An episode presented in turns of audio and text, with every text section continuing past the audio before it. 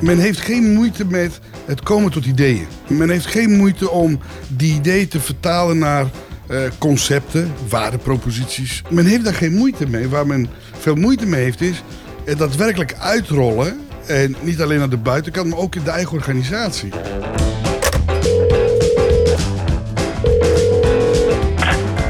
Ik ben Philip Putters en we gaan het hebben over innovatiestrategie.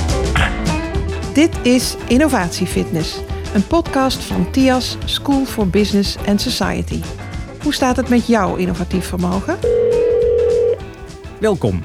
We gaan het hebben over innovatiestrategie, maar vooral hoe je die als leider met je mensen ontwikkelt en levend houdt in je organisatie. Ik spreek erover met Tony Svertsis. Hij is expert op het gebied van strategische innovatie en als associate professor verbonden aan TIAS School for Business and Society. En onder veel meer schrijver van het boek, u raadt het al, Innovatiefitness. Hoe blijf je relevant voor je klanten nu en in de toekomst? Welkom, Tony. Dankjewel, Philip. En uh, nou ja, leuk om te doen. Ja, nee, zeker. We zijn, we zijn blij dat je er even bent. Um, even toch een vraag om je, om je een beetje goed te kunnen eh, plaatsen. Je, je doseert dus aan de TIAS, School for Business Society. Maar je bent ook een man van de praktijk. Hè? Je, hebt een, je hebt een adviespraktijk. Nou ja, ik denk dat niet alleen ik ook, maar uh, mededocenten bij TIAS. Het is een business school. Ja. Dus het zijn ervaren deelnemers die hier komen. En die verwachten natuurlijk aan de ene kant datgene wat je deelt met je kennis, dat die op academische lees geschoeid is. Maar ze verwachten ook dat je dat ook kan laderen met, met praktijkvoorbeelden. En voor mij is dat eigenlijk de ideale combinatie om naast bij TIAS als faculty uh, betrokken te zijn. Met een aantal andere partners uh, bij een bureau dat Bril Innovatie heet. Vooral bezig zijn met die vraag waar je net die inleiding ook aan gaf. Uh, hoe blijf je eigenlijk nu en in de toekomst relevant als onderneming? En nou, um, dat boek, je dacht, uh, ik ben nou, je bent al twintig jaar of nog langer bezig in de praktijk en als, als professor, als docent. En nu dacht je, laat ik nou maar eens een boek schrijven. Waarom? Waarom hebben we nog een boek nodig over innovatie? nou, er is heel veel geschreven ja. op dit gebied. Ga googlen en ik denk dat je miljoenen hits krijgt. Uh, het begrip, eh, ik vind het wel jammer dat het best wel inflatoire uh, is geworden dat bijna iedereen roept over innovatie. Ja, iedereen, iedereen is agile, iedereen ja, moet de, voor de VUCA-wereld. Ja, uh, en, en, ik heb ooit eens geroepen, maar dat was meer een soort van ludiek iets dat als je met, met opdrachtgevers zit, bijvoorbeeld, stel dat je als consult tegenover zit, dan wil iedereen gewoon innoveren. Maar totdat je op een gegeven moment zegt, ja, maar als je dat echt wil, dan gaan er een aantal dingen veranderen in je onderneming. Het kan pijn doen. Het kan pijn doen. Het, het heeft wrijving nodig. je gaat je eigen overtuiging misschien te discussie stellen. Niet alleen jullie als directie, maar de mensen zelf ook in hun dagelijkse praktijk, hun dagelijks denken en doen en handelen. Eigenlijk is het net als, net als een kroket. Iedereen vindt hem lekker, maar niemand wil weten hoe die gemaakt wordt. Uh, er is heel veel geschreven. Uh, en wat je ziet dat bij de publicaties heel veel geschreven vanuit technologie.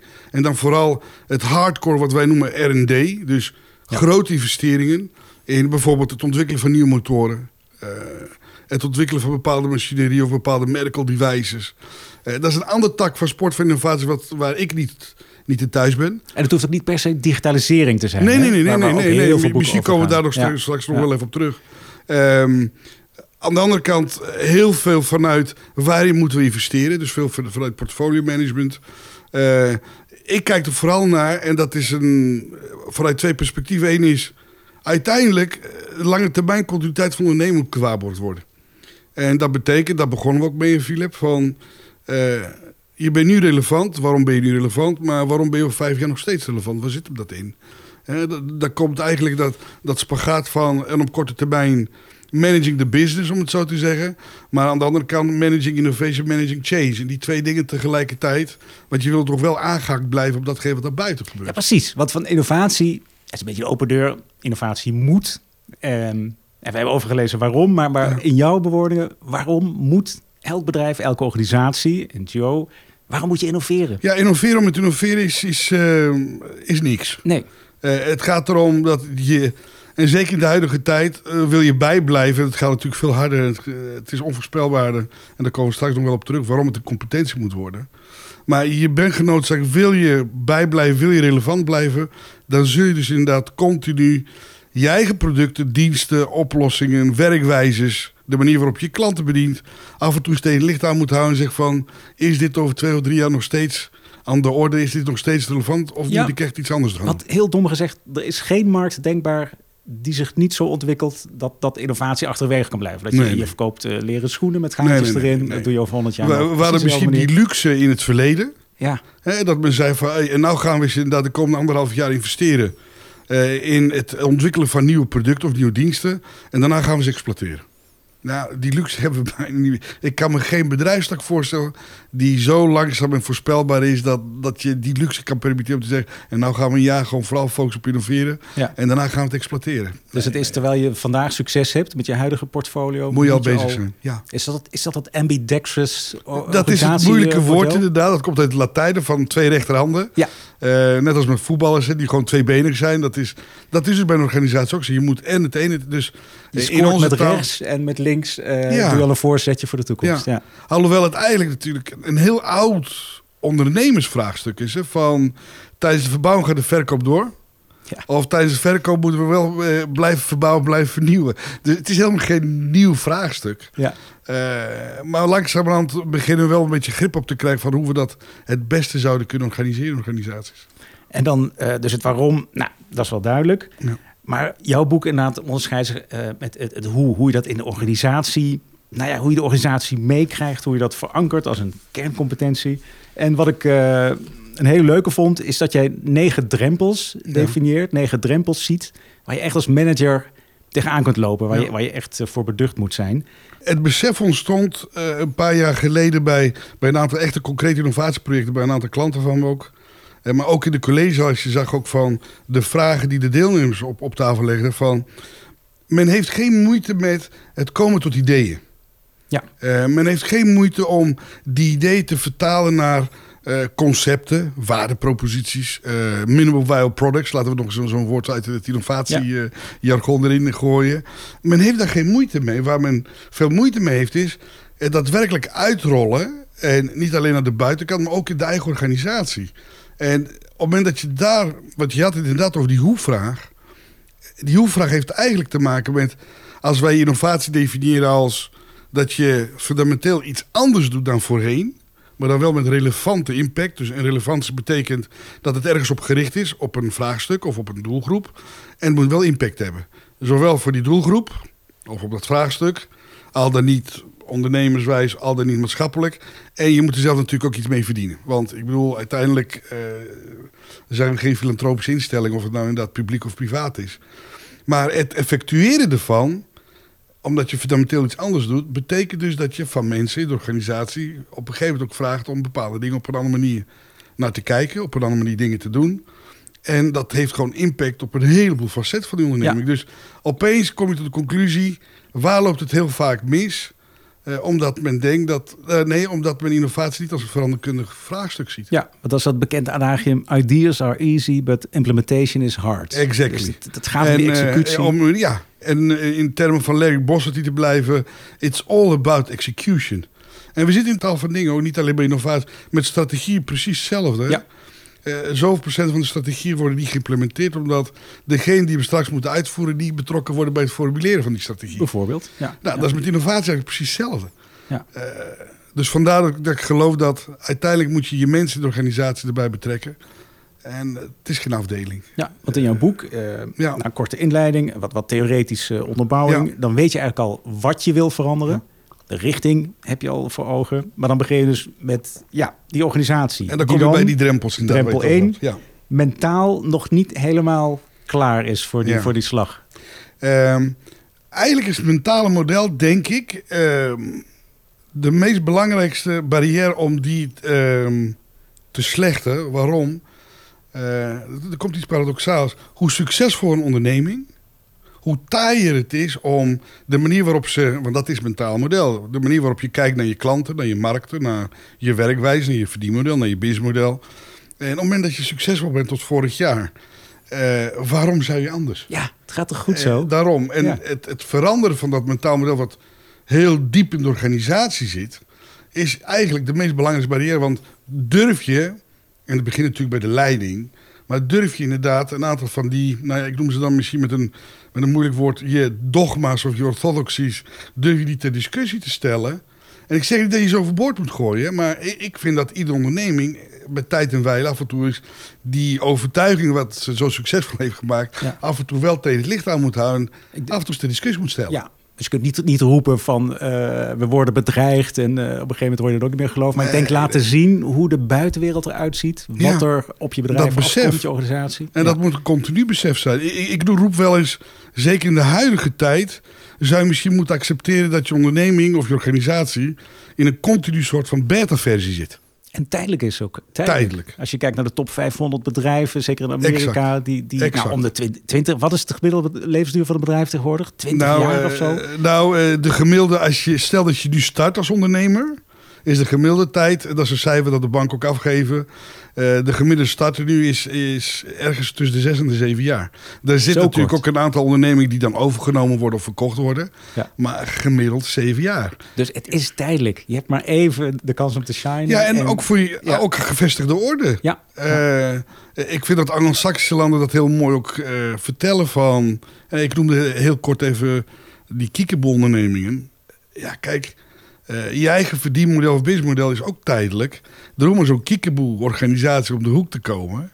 Die ineens je marktaandeel afpakt. Ja, die gaat het spel anders spelen. Doelgroep, uh, heeft geen belasting historisch. Ja. Heeft geen personeelsleden. Gaat het spel op een totaal andere manier spelen. Met een totaal type nou ja, waardepropositie. Misschien beginnen uitgekleed. Nou, die theorie kennen we ook natuurlijk. Hè, want die geldt ook. Hè. Als je het hebt over Christensen van Harvard. Ja. Dus, en we zien dat steeds vaker. Anglo-Saxische landen zeggen dan ook, hè, dwarfs compete with giants. Dus het gaat niet meer over dat de gevestigde orde met de gevestigde orde concurreert. Je weet niet wie je toekomstige concurrent is. Nee. Ik vergelijk het ook met een soort van racebaan waar ik zeg van... Kijk, bij Formule 1 is het allemaal natuurlijk gereguleerd. De, de configuratie van die auto, eh, de afritten, hoe vaak mag je eraf, wat voor type banden, noem maar op. Maar in onze wereld waar we het hebben over competitie, concurrentie, eh, het hele verhaal relevant blijven. Het is een racebaan, maar je weet niet hoe die ondergrond is. Een stukje van asfalt, de andere keer is het zand, de andere keer ja. steen. Uh, afritten, opritten. Je weet niet, uh, en die zijn gewoon oneindig. En je weet niet wie erop komt, wie er afgaat. Ja. En je weet ook niet met welke configuratie. Dus in die wereld leef je. Dus daar moet je ook continu eigenlijk aangehaakt zijn wat er buiten gebeurt. En dat moet je je mensen voorhouden. En, en inderdaad ook die verhalen vertellen. Denk van, nou ja, als je de retail zit, uh, ja. in de supermarktland. Nou, besteed maar heel veel aandacht aan picknick, kan ik me voorstellen. Ja. Om te laten zien, kijk jongens, zo kan het ook. Als voorbeeld, ja, exact. Ja. En niet, misschien... niet om dan meteen picknick na te volgen, maar wel om dat besef, nou, ja, die mentale kaart een beetje iets, iets groter wat, wat je heel mooi, Wat je heel mooi zegt inderdaad over dat, dat aangehaakt zijn en, en kijken naar die buitenkant en iedereen daarvan bewust te maken. Uh, en dat gaat hier misschien iets te diep, maar ik zeg ook altijd, iedere onderneming, net als het menselijk lichaam, hè, want ik maak heel vaak de metafoor met het menselijk lichaam, heeft natuurlijk uh, sensoren. En sensoren in onderneming, dat kunnen natuurlijk verkopers zijn. Dat kan een binnendienst zijn. Dat kunnen de, de helpdesk zijn die allerlei vragen krijgen of klachten of noem maar op. En dan, dan vraag ik ook inderdaad aan onderneming van... Je krijgt vanuit zoveel kanalen of media krijg je informatie. Hoe komt die binnen? Waar komt die binnen? Hoe wordt die geconsolideerd? Wie interpreteert hem? En wie neemt wat voor type beslissingen? Dat is dan een hele simpele. Maar als je het hebt over bijblijven wat je net aangeeft en het bij elkaar brengen in de organisatie van bewust maken. Ga dan eens nadenken over die routine van hoe komt die informatie binnen? Waar komt die binnen? Bij wie moet die er liggen? En wat voor type beslissing? En dat soort als, als, een, als een helpdesk medewerker na het hoort van... hé, hey, ik krijg heel veel vragen. Of ik hoor heel vaak de naam van dat en dat bedrijf. En dat die zich eigenlijk rechtstreeks bijna meldt van... jongens, er is iets aan de hand. Bijvoorbeeld. Ik hoor wat, ja. ja. Dus ja, dus dat drempel 1 gaat wel goed zo, dus waarom zouden we veranderen? Twee is ook uh, misschien ook een hele Nederlandse faalangst. Ja. Nou, dat lukt ons toch nooit. Nou, uh, faalangst is veel meer. Dat zit in de, in de cultuur van. Uh, ik wil iets nieuws uitproberen, maar ik mag eigenlijk geen fouten maken. Maar ik word erop afgerekend. Ik, ik hou niet van dat woord. Maar het wordt wel vaak gebruikt. Dan, dan, dan word je afgerekend. Dus je mag niet falen. En ik denk, als je het hebt over innovatie of innovatief vermogen als kerncompetentie. Uh, en Manfred Vries zei dat ooit heel typerend. Dat vind ik echt een heel mooi citaat. Die zegt, de organisaties die in de toekomst echt in ieder geval een lange termijn continuïteit kunnen waarborgen... zijn eigenlijk de, de lerende organisaties. Kijk, als je het hebt over innoveren, je gaat continu dingen anders doen. Daar zit daaronder natuurlijk het hele leerproces. Maar je gaat dingen loslaten, je neemt nieuwe dingen aan, die ga je proberen te optimaliseren, die ga je eigen maken. Dat is een leerproces. Dat is een veranderkundig proces.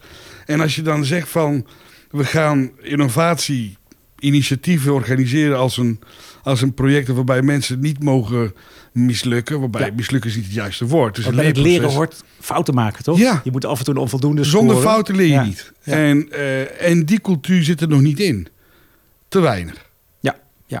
En misschien als voorbeeld om het te illustreren. Bij, bij een van de grote drie banken...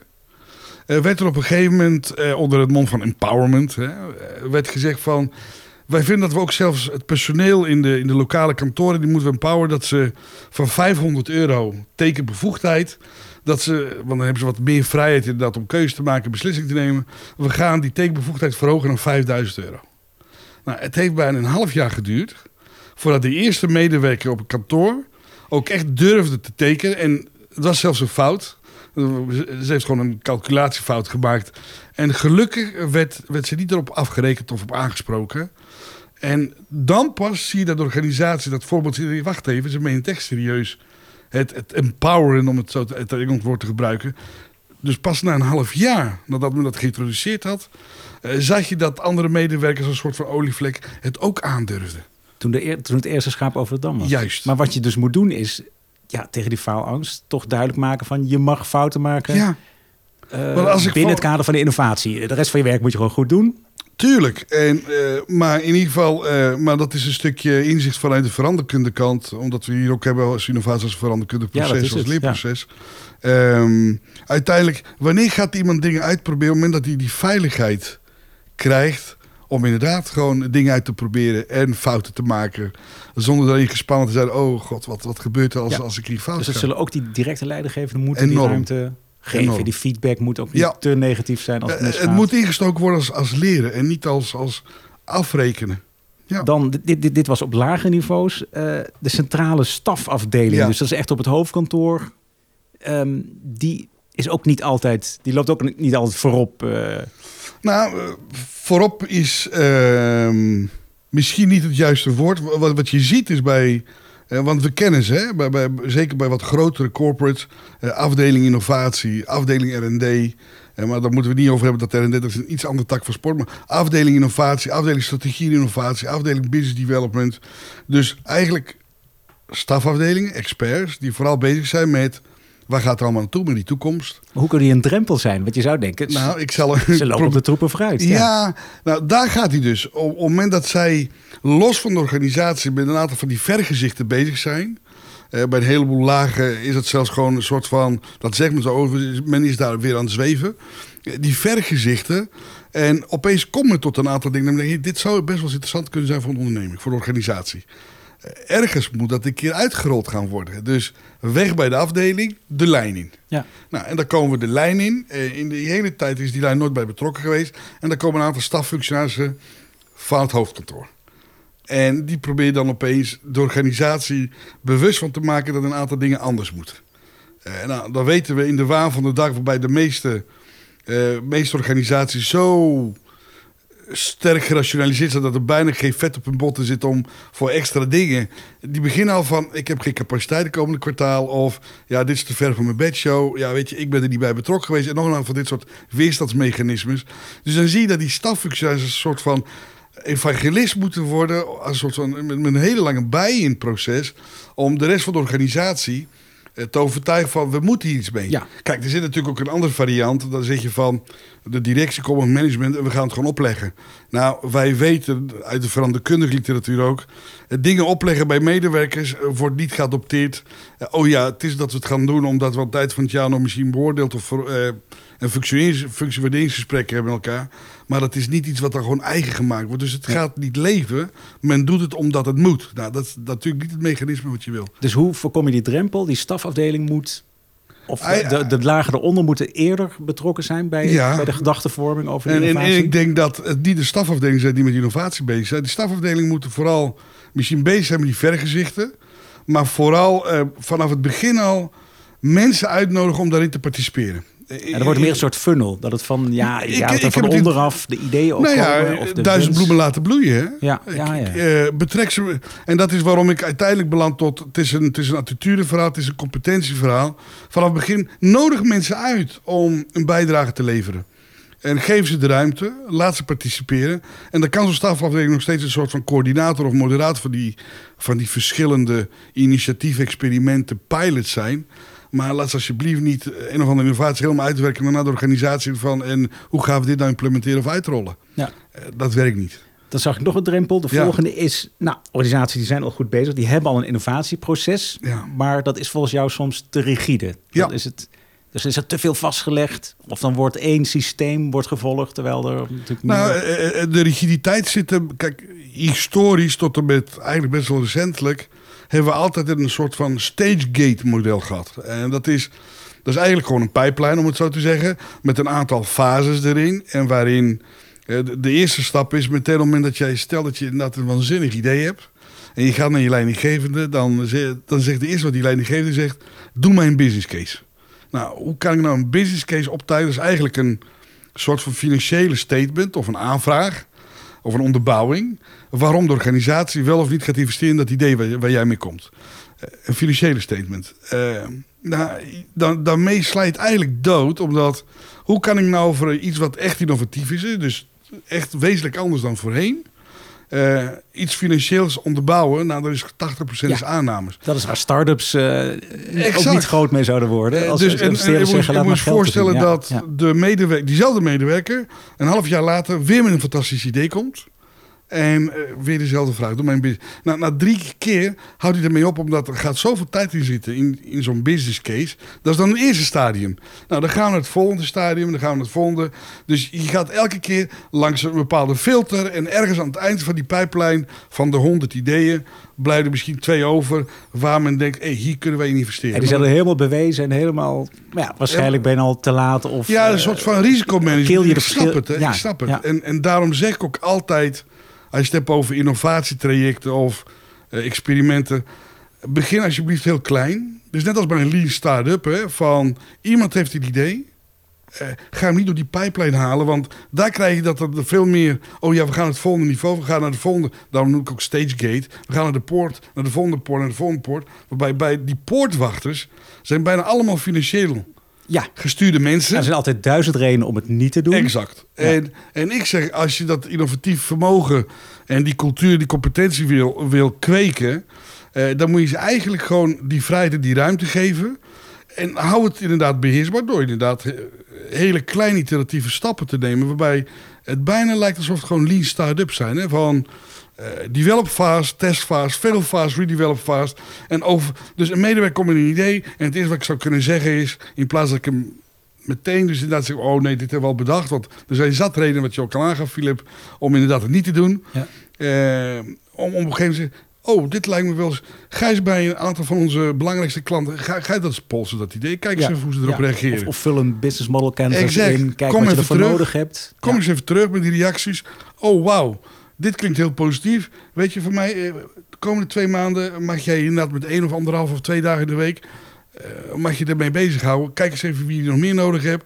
Pas ik ook nog even zijn doelstelling aan. Hè? Precies, wat ik net zeggen. Als je dat dus niet doet, hebben Ja. we nog steeds dat probleem waar we het in het begin over hadden. Ja.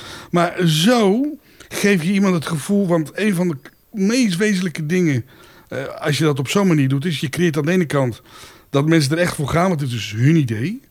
Eigenaarschap, cruciaal. En aan de andere kant, er komt een moment als het echt gewoon op niets uitdraait, dat die medewerker of dat team zelf zegt van, jongens, dit wordt niks, we stoppen ermee. Dus en, een van de dingen, de leiding heeft dan ook nog steeds het gevoel dat ze in control zijn. Volgende drempel. Ja. Volgende drempel. Die snap ik niet. Geen Slack. Geen Slack. Ja. organisatie. Ik heb Slack alleen maar als een superhandig Ja, ja, ja. collaboratietoeltje. Het zit er Ja, iedere- het, is een, ehm, Geen Slack. het is een woord wat vaak gebruikt wordt in, in ons vak. Als je het hebt over strategie en innovatie.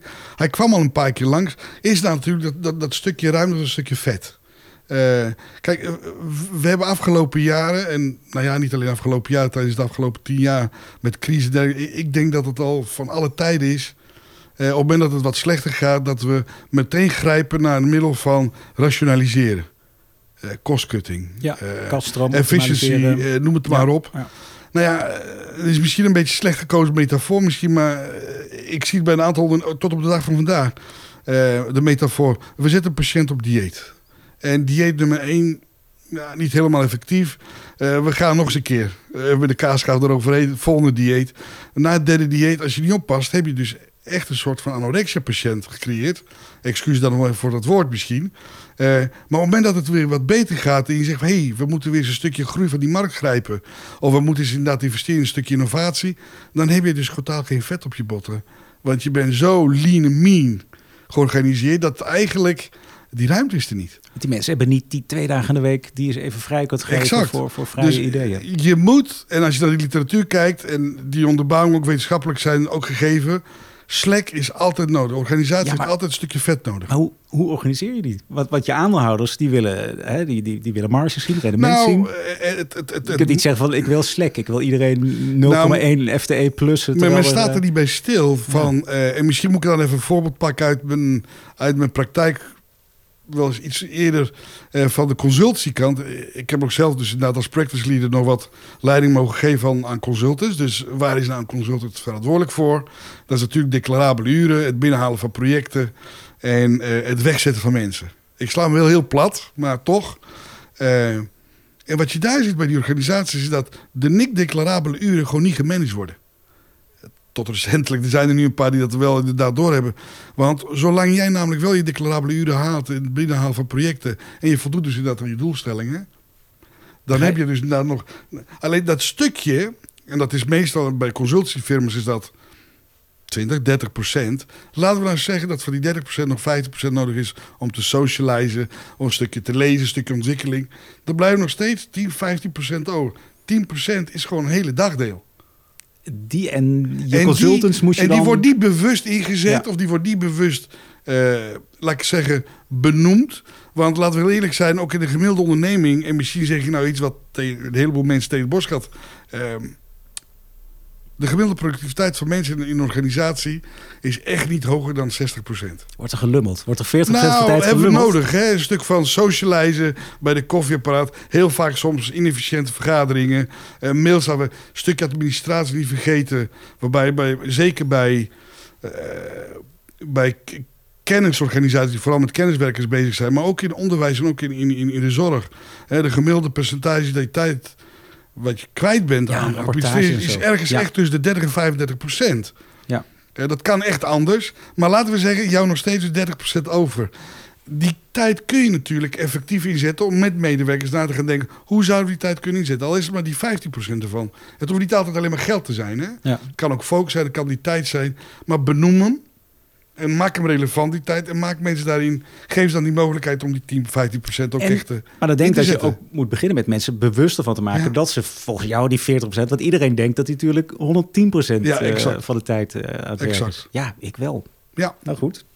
En um, dat, is, ja, dat is wel heel algemeen. Uh, een drempel die jij ziet is een gebrek aan waardering. Dus van het management voor, voor de lagen onder de mensen op de vloer. Ja. Is dat, is dat um, nou, is het echt specifiek voor innovatie ook een, een Nee, ik denk dat het een organisatiebrede vraagstuk is. Het heeft niks met, niet alleen met innovatie te maken. Uh, bij innovatie gaat het om uh, het fenomeen van... als mensen tussentijds uh, resultaten boeken... noem ze maar quick wins, hè, dat woord gebruiken we wat vaker... vier dat. Deel die quick wins ja. en waardeer de mensen ervoor. Waarom? Om even weer die veranderkundige bril te pakken. Want daar heeft het over. Innovatie als een veranderkundig proces. Quick wins laat de organisatie wel zien. Uh, hey, dit werkt. Dit kan best wel positieve resultaten hebben. Waardoor het ook veel makkelijker door de rest van de organisatie geadopteerd wordt. Ja, dus je moet die, die waardering richten op dit soort momenten. Natuurlijk. En misschien ook wel op die faalmomenten van ook, uh, bravo dat je het geprobeerd hebt. Hè? Beetje Amerikaans, maar... Uh, leren is ook, ook iets. En waardeer en beloon ze ervoor, op welke vorm dan ook. En vier het ook. Ik maak het ook kenbaar dat mensen daarmee bezig zijn geweest. Uh, als ik het heb over dat innovatiestukje. Ja. Kijk, ja. organisatiebreed zien we te vaak uh, dat, nou ja goed, de mens, een van de primaire drijfveren van mensen is gewoon de hang naar waardering. En die wordt te weinig gegeven, vind ik. Ja, ja, daarvoor komen we nu weer terug naar kantoor. Voor, nou letterlijk een schouderklopje of nou, een, een, knipoog. Uh, ik, ik ben geschrokken van een aantal onderzoeken afgelopen jaren... die gedaan zijn, uh, zowel in Europa als in Amerika... om te kijken naar de betrokkenheid uh, van mensen bij de organisatie waar ze werken. dat is eigenlijk schrikbaar. Misschien klinkt het als een stelling, maar die onderzoek kan iedereen op Google gewoon zo ja, vinden. Ja, klopt. Dat is elk jaar. Um, tweederde, gemiddeld tweederde van de mensen is niet betrokken bij de organisatie waar ze voor werken. Wel betrokken bij het eigen werk wat ze doen dag Daar zijn ze ook nog trots op. Wel betrokken bij de directe collega's. Uh, maar niet betrokken bij de organisatie. Ja, bij het hoofdkantoor in, in En waarbij zelfs gemiddeld 18 procent eh, recentelijk nog in de, in The Economist, 18% actively disengaged. Dat betekent dus dat ze ook nog in staat zijn om de boel te saboteren als het moet. Ja, dramatisch. Dat is een uitdaging. Ja, dramatisch. Ja, En um, dus bij innovatie moet je die echt die waardering richten op, op uh, iets wat, wat bijdraagt aan die innovatie. Nou, maar het is dus een breder probleem. Als ik, mag, als ik mag aanvullen, Philip, heel kort. Kijk, organisaties bestaan uit mensen. Mensen doen het werk. Als je het hebt over innoveren en je wil die innovativiteit of innovatief vermogen en je wil mensen daar echt een integraal onderdeel van maken. Wanneer gaan mensen bewegen? Uh, op het moment dat ze natuurlijk die veiligheid voelen. Het moment dat ze die waardering voelen. Maar terug naar de basis. Engels noemen dat heel mooi. Hè? It's not only about command and control. Dat is de gemiddelde management mantra wat we een beetje kennen in de meeste organisaties. It's all, it is ook about connectedness and engagement. Wil ik mensen meekrijgen? Willen mensen die extra mijl gaan? Uh, naast natuurlijk dat we ze faciliteren, dan moeten ze wel geconnecteerd zijn en betrokken zijn. En uh, dat laatste, dat is niet iets wat de, nou ja goed, gewoon is in organisaties. Ja, nee, dat blijkt uit die onderzoeken wel. En dan iets wat, wat ook weer met, met faalangst denk ik samenhangt. Dat uh, veel organisaties, die hebben niet veel ervaring met experimenteren. Ja. En dat is inderdaad wat je net, net ook zei, dat MVP-model, dat je nou ja, maar eens wat gaat proberen met het risico dat het niks wordt, dat je iets ontwikkelt, uh, ja, de markt uh, gaat proeven met, met een heel uitgekleed product ja, of uh, dienst. Wat eigenlijk bij de voorgaande drempels is bijna een optelsom hè, ja. van durf je mensen de ruimte te geven, durf je mensen dat je dit soort dingen als een leerproces organiseert, ook zo'n experiment. Eh, er zijn meerdere woorden. Elk heeft een ander type werkvorm misschien. Pilots, proeftuin, experimenten. Ik vind experimenten een mooi woord omdat je daarmee eigenlijk, net als bij innovatie, ik heb geen eindpunt. Eh, dat eindpunt komt wel op het moment dat het er is. En we zijn bezig met een leerproces. We zijn bezig dingen uit te proberen. Ja. En, door een experiment in de wetenschap vergroot je de bestaande kennis, toch? Exact. En dan zijn het 7000 experimenten van, van James Dyson met zijn eerste stofzuiger. Exact. Kijk, wat, wat ik wel uh, een, een, suggestie zou willen geven of een advies bij al die organisaties. En of het nou pilots heet of proeftuin of experimenten. Denk even heel goed over na. Uh, wat voor jouw eigen specifieke organisatie um, de, noem het maar, de heuristiek is van hoe doen wij experimenten hier? Want het heeft te maken natuurlijk met het type competentie wat je in huis hebt. Uh, DNA voor je organisatie, de cultuur. Hoe je kijkt naar innovatie. Want daar zie je ook allerlei type archetypen. Gaat voor vandaag iets te ver. Maar dus net als bij innovatie, in innovatiestrategie. Iedere organisatie heeft daar zijn eigen morgens in. Dus maak er wel duidelijke afspraken. Reden dat uh, daarin, uh, hoe wij experimenten doen, dat doen wij zo. Ja, dat en betekent... ook voorbeelden laten zien. En ja, en dan ontstaat er ook dus dat soort van methodiek van experimenten in onze organisatie doen we zo. Dus iedere keer als er een nieuw experiment komt, dan kan de inhoud anders zijn. Maar eh, die flow, die is dan voor de hele organisatie gewoon helder. Dan doen we niet nog eens een keer, hoe gaan we dit met elkaar doen? Nee, die is dan helder. En zo inspireer je denk ik ook andere mensen op andere afdelingen. Enorm. Of, uh, maar je krijgt ook een vliegwiel in de zin van de snelheid. Je leercurve gaat omhoog. Hè? De manier waarop je het doet en de type werkvormen wat je gebruikt. Dan zeg je, ja, wij doen dat zo hier. En de vraag is ook, waar begin je? En dat is dan de volgende drempel. Te vaak, of niet vaak genoeg, uh, beginnen bedrijven, organisaties bij de klant. Te denken vanuit de klant bij, ja. bij innovatieprocessen. Um, dat, kan, dat kan me voorstellen. Hoe ga je dat als manager? Hoe ga je mensen dichter bij de klant zetten? Uh, hier zit iets heel paradoxaals. Um, Want dat is natuurlijk die klant die dat is uh, uh, als uh, als Fortis had gevraagd, dan wilden ze een sneller paard. Steve Jobs van Apple was ook moordicus tegen. Vraag mensen ja. echt niet wat ze willen, want ze hebben geen nee. idee. Nee, er zit iets heel paradoxaal. Het is heel makkelijk om te zeggen van ga naar die klanten, ga daar kijken. En tuurlijk zien we bij, bij klanten op in een aantal takken van sport, in een aantal bedrijfstakken, de, de ontwikkeling van hun behoeftes of wat ze nodig hebben. Uh, veel sneller gaat dan wat de aanbod zou kunnen leveren, om hem even plastisch te zeggen. Uh, maar tegelijkertijd ook klanten zitten in een bepaalde bedrijfstak met een bepaald soort van wat ik noem mentale model. Um, want tegelijkertijd, als je het hebt over het doorbreken van die spelregels, is de klant alleen dan naar de klant kijken is niet voldoende. Want ik ga toch mee met Steve Jobs. Uh, we stellen de, de, de, de, verkeerde vraag aan klant. Ja, want, bij die klant, voor die klant geldt ook, het gaat toch goed zo? Tuurlijk. We doen het al tien jaar zo. En uh, laten we eerlijk geen, zijn, stel, stel aan, een vraag, aan een klant niet de vraag van, wat zijn jouw behoeftes? Nee. ik heb het zelf mogen meemaken, dan, dan weet ik wat er gebeurt. Die noemt dan exact de dingen die jij op je website of in je brochures hebt staan, bijna met dezelfde bewoordingen. Nee, je moet die klant vragen van waar lig je wakker van? En dan natuurlijk wel specifiek in de richting van datgene wat je zelf levert. Maar waar lig je wakker van? Eh, wat is een want het moet altijd issue-driven of probleem gestuurd zijn. Eh, dat vraagstuk waar die wakker van ligt. Of misschien de vraag van, joh, als je kijkt naar die dienstverlening van organisatie XYZ. Stel dat jij daar de directeur zou zijn. Wat zou je morgen per definitie meteen anders doen? Het zijn veel concretere vragen die veel meer te maken hebben met... Uh, hoe zet die klant mijn product, dienst of oplossing in zijn dagelijkse realiteit in? Wat ervaart hij dan? En hoe zouden we dan datgene wat hij ervaart, en vooral irritatiemomenten of problemen of issues, hoe zou dat kunnen verhelpen? Dan kan ik nog steeds naar die klant kijken, maar dan moet ik wel een ander soort vragen stellen. Ja, dat is één kant. De andere kant is, uh, wat, wat ik uh, altijd zeg van in alle bedrijfstakken, om even terug naar die kiekeboe-organisaties. Uh, Engelsen noemen dat heel mooi. Ja, ik kan het soms niet vertalen in het Nederlands. Look at the fringes. Zegt Gary Hamel van de London School of Economics of London Business School is het. die zegt ook, look always at the fringes. Kijk naar die uiteinden. Dus kijk niet naar die gevestigde orde. Kijk naar die uiteinden van een markt waarin alle typen start-ups komen en niet alle zijn succesvol. Maar daar zie je de meest extreme ideeën waarvan je zegt, wacht even, zo heb ik er nog nooit naar gekeken.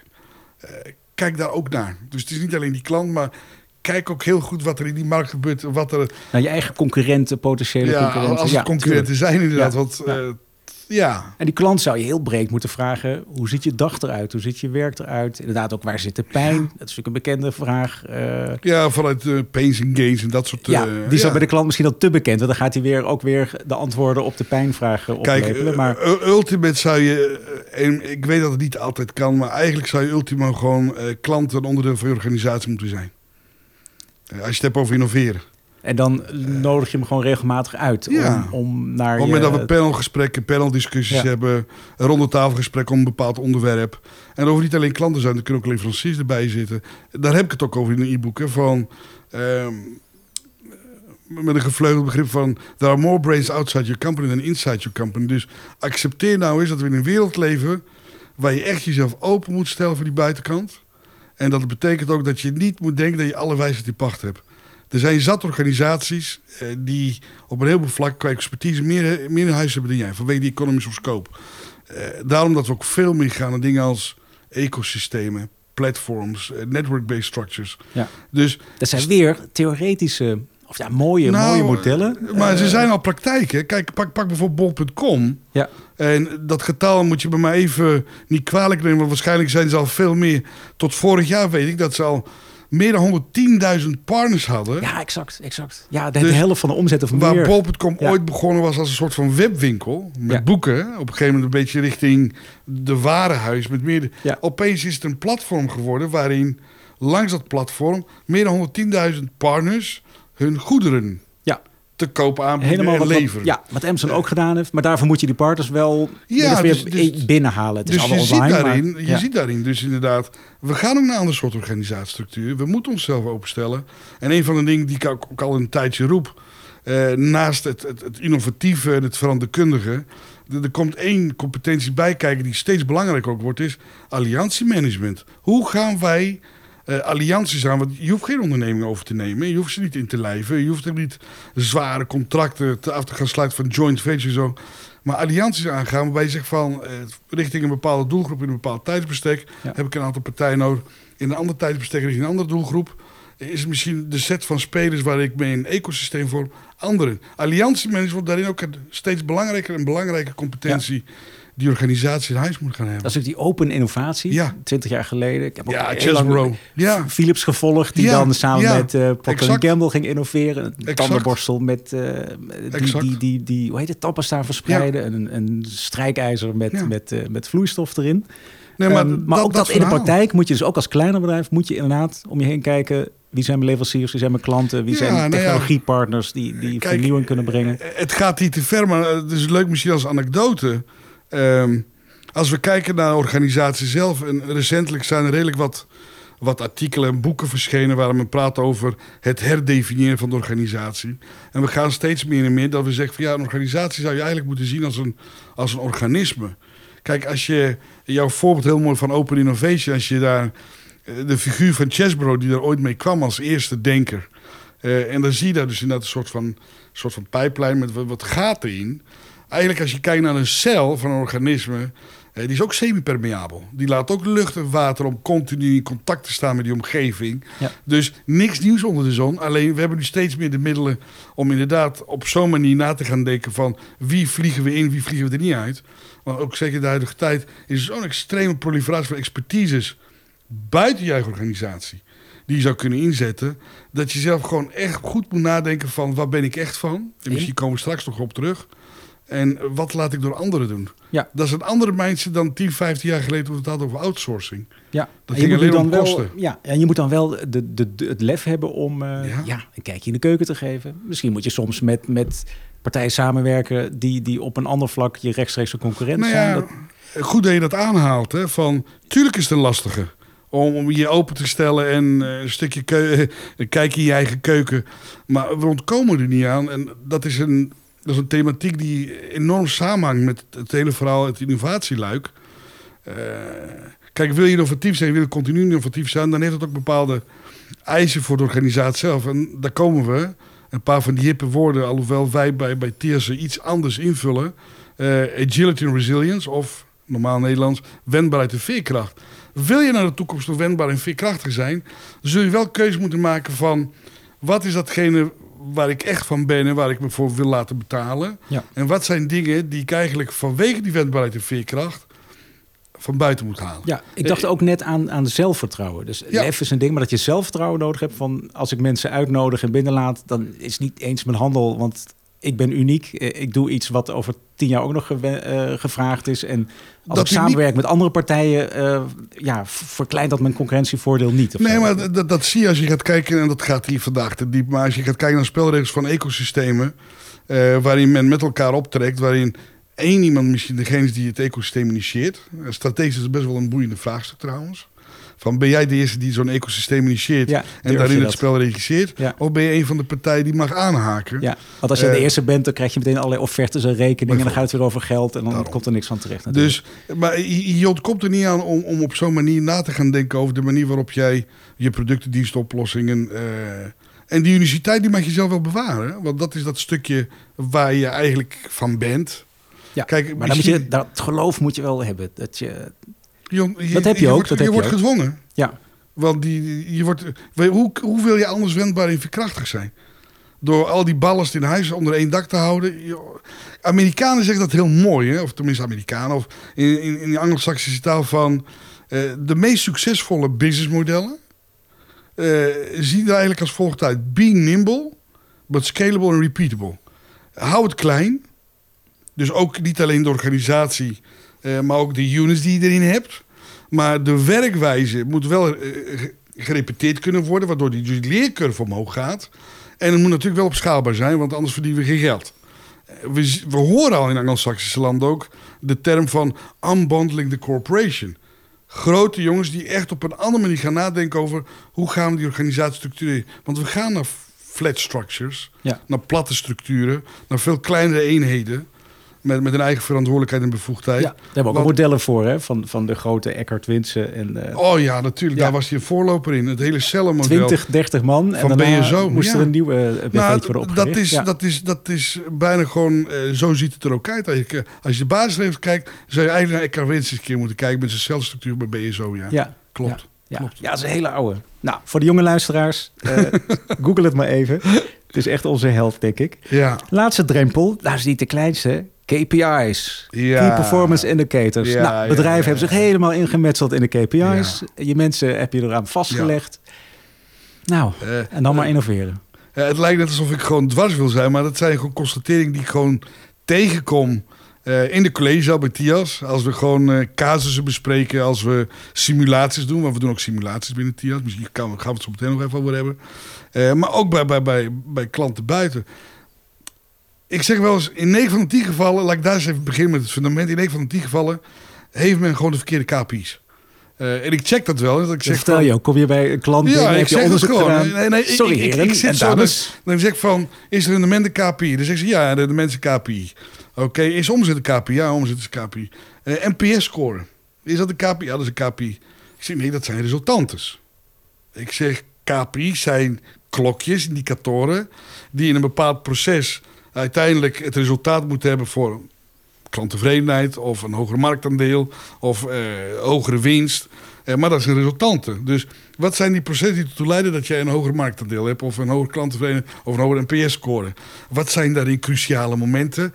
En daar zet je klokjes in die dan real-time ja voor toe inderdaad op rood slaan en zeggen: hé, hey, je moet niet even ingrijpen. Als het kwantificeerbaar is. Lijkt me nog een uh, zoektocht. Ja, ja. als we gaan vertalen naar het innovatieverhaal.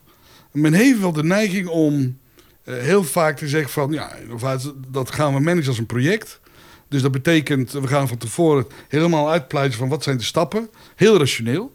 Uh, wat zou de uitkomst moeten zijn? Ook is heel rationeel. Ik denk, het gaat hier om echt innovatie. Het gaat niet om optimaliseren of uh, verbeteren. En daar ook nog eens inderdaad budget eraan koppelen, tijdspaden eraan koppelen, go-no-go momenten. Dan denk ik, dat is niet de manier waarop je de innovatie zou moeten managen. En de KPI's zijn dan dat die innovatie tot dat, ja, additionele omzet leidt? Of uh, nou, nee, de foute KPI's? Vooral op het daar kom ik zo nog op. Nee, vooral op, het, op, op een innovatieinitiatief. Organiseer als een project met een begin en een eind. Een start en een einde. En met een budget, een go-no-go momenten. Dit zijn de stappen. En hier en hier zitten een aantal KPI's waar we echt op zouden moeten monitoren. Kom ik kijken met de link ook met dat stage gate model. Dan denk ik, het is geen project. Het is te rigide ook weer. Het is te rigide en... Zeker als het een innovatief initiatief of project is, of project, project is dan het fout woord, eh, wat echt ver afstaat van je huidige business, ja. dan moet je zeker dus niet op zo'n manier namelijk zo'n zo, zo traject gaan managen met dit soort KPI's. Uh, eh, KPI's vanuit een organisatieperspectief naar mensen toe. Uh, want kijk, en gelukkig zie je wel steeds meer in opkomst dat men praat over cross-functionele teams, cross-hierarchische teams. Hè, dat, dat mensen vanuit verschillende onderdelen van de organisatie participeren in zo'n innovatieproces. Maar dat komt ten goede natuurlijk aan de creativiteit en uh, aan de compleetheid van de oplossing en zo. Uh, maar wat daar, wat daar in de weg staat is dat je ziet dat de meeste organisaties, uh, we zien daar natuurlijk die silo's. daar, daar, praten we allemaal over. Maar men staat niet bij stil van hoe die silo's ontstaan. Die silo's ontstaan omdat men eigenlijk niet begint bij, als je een organisatie inricht, moet je beginnen bij het werk organiseren. Eh, daarna krijg je namelijk, wat zijn daarin de stappen, wat zijn de competenties. En ergens aan het eind praat je over functionaliteit en mensen. Wij draaien het om. En wat je ziet is dat die verschillende afdelingen of silo's of organisatieonderdelen... als je kijkt naar datgene waar ze verantwoordelijk voor zijn in de KPI's... er zit geen onderlinge samenhang en coherentie in. Dus dat zie je, iedere silo uh, probeert gewoon zijn eigen KPI's of zijn eigen... rapporteert naar boven. En die probeert hij te optimaliseren. En zijn output of zijn handelen heeft helemaal geen impact op zijn collega daarnaast of daarna. Dan denk ik... Eh, en dus, als je het hebt over innoveren, cross-functioneel, cross-hierarchisch en samenwerken, ja, dit faciliteert dus niet. En is er dan, welke KPI's dragen dan inderdaad wel bij aan die grotere samenwerking en nou, iets loskomen van je functie? Daar komen we op een... Uh, is dat meetbaar? Kun je zeggen, je moet... Jawel, natuurlijk is het meetbaar. Uh, maar dan komen we wel... Misschien gaat het diep. Ik wil twee dingen even daarover noemen. Uh, om als voorbeeld, gewoon even te noemen als voorbeeld. Um, je moet heel goed nadenken op welk niveau je die, die targets en die doelstellingen en die KPI's... maar vooral die targets en doelstellingen. KPI's zijn dan in dat proces waar je die neerzet, op welk niveau... Uh, om, om even voorbeeld aan te halen met betrekking tot ook die samenwerking... Laat ik maar eens dat, dat voorbeeld van die consultants nemen. Als ik iedere consultant individueel aanstuur... en ik zeg tegen hem, jij moet 250, 300.000 euro bijvoorbeeld... Uh, per jaar aan declarabele uren omzetten. Je moet zoveel projecten binnenhalen. Uh, dan is het eerste wat zo'n consultant doet... want dat is gewoon een primaire menselijke reflex. Die gaat eerst zorgen dat hij zijn eigen, eigen persoonlijke individuele target gewoon veilig stelt. Um, als ik zeg van nee, het gaat niet op een individu, maar het gaat op een bepaalde team van 10, 15, 20 consultants, even terug naar die Eckert Winses of Cel. En hoe die leidinggevende daar met zijn mensen het overal doelstelling, stel dat er 10 consultants zijn, maal 200 of 300.000, dan zeggen we tegen die leidinggever, jij moet samen met je team 3 miljoen gaan halen. Team targets. Waardoor je dus eigenlijk een totaal ander type dynamiek krijgt in zo'n unit van 10, 15 consultants. En waarbij je veel concreet kan zeggen: oké, iedereen heeft daar zijn rol en zijn, zijn, zijn toegevoegde waarde in. En die gaat op zo'n manier erin gezet worden. En dan van al die drempels genomen. Het is echt een soort, uh, ja, alsof je een soort uh, piramide moet beklimmen met al die uh, drempels. Nou, ben je bijna aan de top. Um, ja, dan is die organisatie er klaar voor. Maar um, dan moet je nog steeds beginnen. En in jouw boek noem je dat interventies die je zou kunnen plegen als, als leider, leidinggevende manager. Ja. Uh, we zijn natuurlijk altijd op zoek naar inspirerende voorbeelden. Uh, Apple, dat kennen we nou wel. Uh, Kodak, fantastisch verhaal. Maar heb je nou dichter bij huis, dus liefst in Nederland, een organisatie die ja, ook van ver gekomen is. Die dus inderdaad nou, al die drempels geslecht heeft. Waarvan jij zegt van nou, ik kan nu. Ja, je wordt niet op afgerekend zelf, maar gewoon zeggen van nou, zij hebben innovatie echt goed vormgegeven. Ze hebben innovatie als kerncompetentie in de organisatie weten, weten vast te leggen, te verankeren. Ik weet dat die een paar keer gebruikt wordt, maar ik ga hem iets anders laden. Cool Blue. Want we hadden net over die interventies en mensen in staat stellen. Ja, ja. Om zelf keuze te maken over het eigen werk en noem maar op. Uh, je hoort ook wel eens inderdaad vanuit de top dat men zegt van joh, maakt mij niet uit hoe jij je werk organiseert, als het mogelijk is. Al ga je maar op je pizza zitten, je doet alles via videoconferencing. Als de output maar, zoals wij met elkaar afgesproken hebben. Uh, als die maar dus inderdaad gewoon op orde is als die op orde is. Dat is bij Coolblue, hè? Dat is dus je kunt wel zeggen, Coolblue komt niet van ver, want die zijn natuurlijk met de schoonlei begonnen. Nou, maar ze hebben wel echt een super cultuur wat dat betreft. Nou, wat, wat je ziet is, en daarom wil ik hem ook anders inkleuren. Ja. Nou, eh, want we kunnen wel kijken naar innovatie, eh, naar andere businessmodellen, andere producten, diensten. Wat ik geweldig vind, waar ze en misschien dat zij er niet zo naar kijken, maar ik kijk daar even als derde persoon, als analyticus er ook even naar. Kijk, als je naar de toekomst kijkt met al onze technologieën, big data, artificial intelligence, Internet of Things. We gaan naar een situatie toe waarbij, ik zeg ook altijd, wat je, wat, wat je kan bedenken, wat gedigitaliseerd, geautomatiseerd, gevirtualiseerd kan worden, gaat gedigitaliseerd, geautomatiseerd, gevirtualiseerd worden. Uh, dus we gaan naar een setting toe waarbij waarschijnlijk die interface tussen jouw organisatie en die klant, dat dat gewoon het steeds belangrijkste wordt. Hoe beleeft die klant namelijk in de manier waarop hij met jou communiceert, of jij met die klant? Hoe beleeft hij dat? Nou, ik denk dat Coolblue, je kan het gewoon proberen. Uh, ik heb al een paar keer die ervaring ook gehad. Dat is nog niet om reclame te maken, maar die interface waar een heleboel mensen nog denken: ja, ik doe een custom journey zonder de hele uitrol. Die hebben die interface geweldig voor elkaar.